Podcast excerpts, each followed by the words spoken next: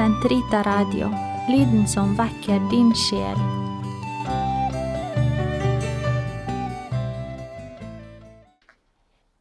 Den katolske kirkes katekisme, uke 23, paragraf 362 til 368, mandag. Ett i kropp og sjel. Mennesket som person, skapt i Guds bilde, er et vesen som både er legeme og sjel.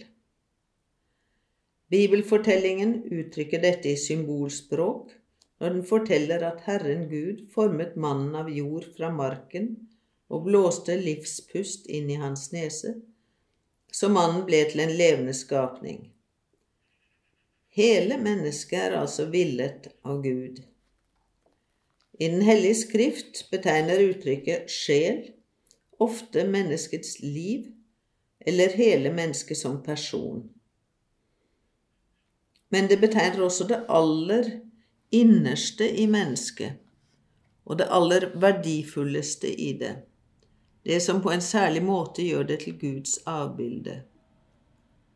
Sjel betegner det åndelige prinsipp i mennesket. Menneskets kropp har del i den verdighet å være Guds bilde. Menneskekroppen er menneskelig nettopp fordi den besjeles av en åndelig sjel. Det er hele mennesket som person som er bestemt til å bli i Kristi legeme, Åndens tempel. Mennesket er ett i kropp og sjel. Det sammenfatter den materielle verdens forskjellige elementer gjennom sin legemlige konstitusjon. Og det er takket være mennesket at den materielle verden når sitt høydepunkt og låner sin stemme til Skaperens frie lovprisning. Vi skal derfor ikke forakte vårt legemlige liv, men tvert om anse vårt legeme for godt og ærefullt idet Gud har skapt det og kommer til å vekke det opp på den ytterste dag. Enheten mellom sjel og legeme er så sterk at man må anse sjelen som legemets form. Dette betyr at det er takket være den åndelige sjel at den materielle kropp er et levende menneskelegeme.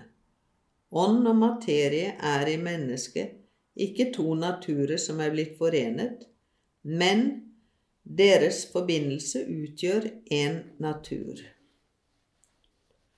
Kirken lærer at hver enkelt åndelig sjel er direkte skapt av Gud.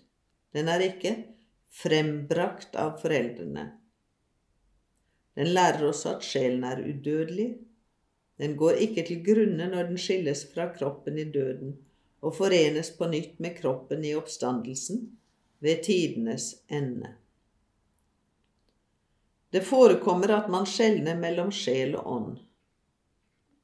Slik ber Sankt Paulus om at Gud må med legeme, sjel og ånd bevare dere helstøpte. 1. Tessalonikerbrev 5.23. Så vi kan stå plettfri frem ved Herrens gjenkomst.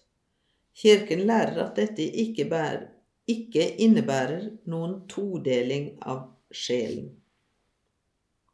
Ånd betyr at mennesket er rettet mot sin overnaturlig bestemmelse fra det øyeblikk det blir skapt, og at et sjel har i seg muligheten til å oppløftes høyt over sine iboende muligheter og uten noen fortjeneste, til samfunn og fellesskap med Gud. Kirkens åndelige tradisjon legger også vekt på hjertet, som i bibelsk forstand betyr menneskets innerste jf. Jeremias 31-33, der hvor mennesket til syvende og sist sier ja eller nei til Gud.